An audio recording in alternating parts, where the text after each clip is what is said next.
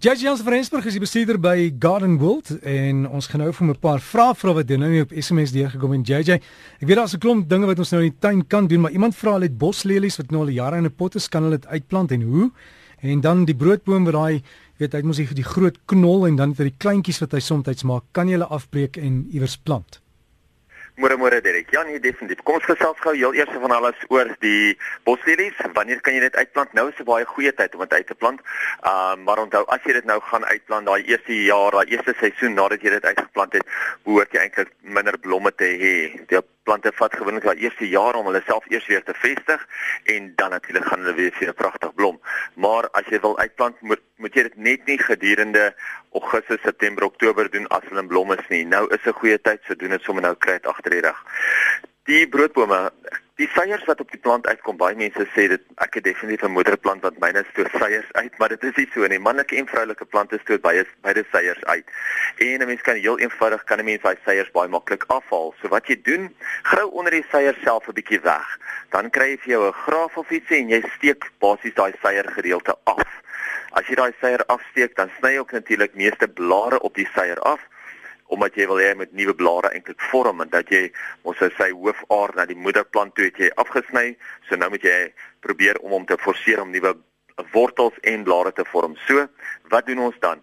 Die gedeelte wat op die plant oorbly, natuurlik die die die wond wat op die plant self oorbly, kan 'n mens seël en ons kan die gewone tree seal, boomseelaar daar gebruik of prune seal, 'n snoei seal en ons kan ook 'n uh, blomswaal gebruik. Nou jou blomswaal keer net dat daar so enige fungusse op die moederplant self groei.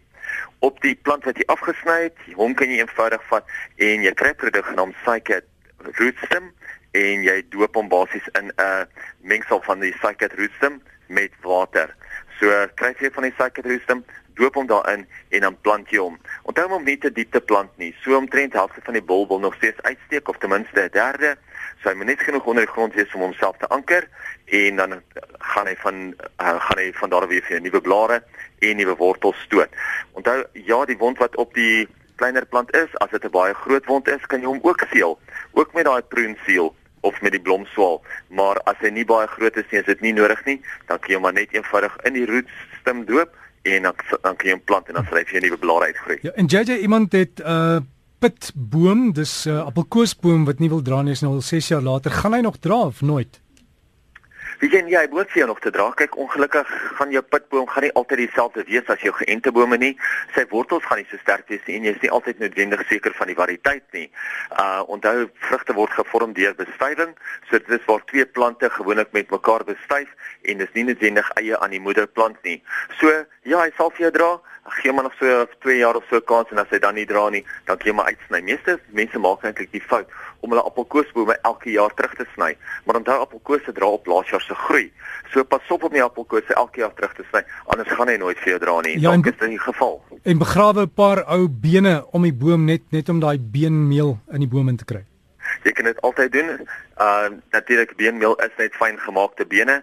So ja, soos hy wegvrot, soos die erf wat hom som afbreek, gaan hy dan definitief vir die plant kan beenmeel gee of meer kalsium gee en dit is belangrik. En van die ander take hierdie tyd van die jaar, JJ? Wat hy twee goedjies vir ons hierdie hierdie um Saterdag gesels gaan eintlik wees wat doen ons nou met ons rose en ook dodder is weer in die lug. So kom ons kyk heel eers van alles. Ons moet nou vir ons rose somersnoei gee. Onthou Somersnoei is nie heeltemal so sterk soos die wintersnoei nie. Hierso sny ons nou net 'n derde van die plante terug. Nie soos in die winter 2/3 nie. Jy sny nou net 'n derde terug. Wat jy mens doen is jy verwyder al die blare op die plant en ook op die grond om die plant. Want ongelukkig nou met al die hitte het ons baie probleme met fungus op die rode eh, op die rose. En die fungusse is gewoonlik jou swart vlek, jou poeieragtige meeldou en hulle floreer op die blare van die plante. Dis hoekom ons nou al die blare verwyder en dan moet ons die plante self moet ons nou spuit met 'n uh, um, met 'n fungusdoder. Jy spuit die plante en jy spuit die grond ook met 'n fungusdoder sodat jy wel van die fungus ontslaa raak. Pas op net as jy in 'n baie baie warm area bly om nie al die blare op die plant self weg te vat nie. As jy al die plante al die blare op die plant self wegvat, gaan die son deurkom en gaan eintlik die stamme van die plante brand. So ons doen dit regtig net as ons in die koeler areas of in die matiger areas bly, maar in die warm warm warm areas probeer eerder om van die blare nog steeds op die, op die plante te hou sodat die son self nie die stamme van die plante brand nie. Ook net dan 'n goeie tyd om te voer. Uh en hier kan ons 'n gewone 315 gebruik of jy kan kyk na die nuwe Flower Power wat uit is of selfs daai nuwe One for All, daai 1338. Dit gaan vorm dit gaan baie baie nuwe blare veroorsaak of forceer en jou plante gaan binne die volgende 6 weke weer pragtig en blom wees. So rose, somersnoei, sny hom nou 'n derde terug. Dodder is ongelukkig weer besig om oor te neem. En ja, dit is nou ietsie wat almal nie onder beheer kan kry nie. Ons daar is 170 verskillende tipes dodder in die wêreld, maar hier by ons is die mees belangrikste een of die een wat mees algemeenste is, die lucerne dodder. Nou, die lucerne dodder lyk eintlik soos 'n baie dik geel vislyn wat net eenvoudig bo op die plante gegooi is. Nou, hierdie dik geel vislyn of hierdie dik plant is eintlik 'n parasiet. Hy teer op ander plante. Hy het geen klorofil nie.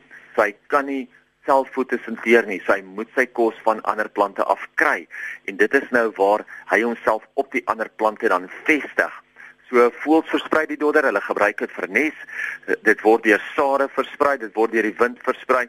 So daar's verskeie faktore hoekom die dodder skielik in jou tuin voorkom as hy nog nooit daar was nie. Nou voor het ek gesê hy het nie klorofil nie, so dit beteken ons kan hom nie doodspuit nie. Ons kan hom net uitsny.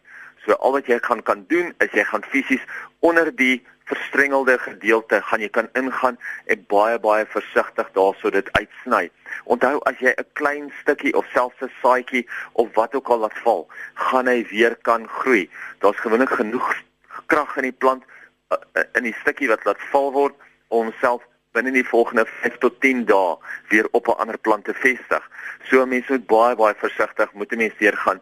Jy moet dit uitsny en dan moet jy dit eerder vat en dit verbrand. Die lekker ding is dat dodderes in die kouer areas van die land of in die areas wat wel uh koeler word in die wintermaande, is hy eintlik net 'n eenjarige plant. So ons kan hom eintlik redelik maklik onder beheer kry. Nou hierdie tyd van die jaar wanneer op sy weligste groei is wanneer jy hom sien en is nou die tyd wat jy hom eintlik kan uitsny en van hom so kan ontslaa raak. Maak asseblief 'n punt daarvan om deur jou tuin te gaan, deur jou omstreek te gaan, jou omgewing te gaan en eerder nou van daai dodder ontslaa te raak sodat ons mettertyd minder en minder probleme met die dodder gaan hê. So gesels ons met JJ Jansen van Rensburg van Garden World, hulle webtuiste gardenworld.co.za en lekker tuin maak.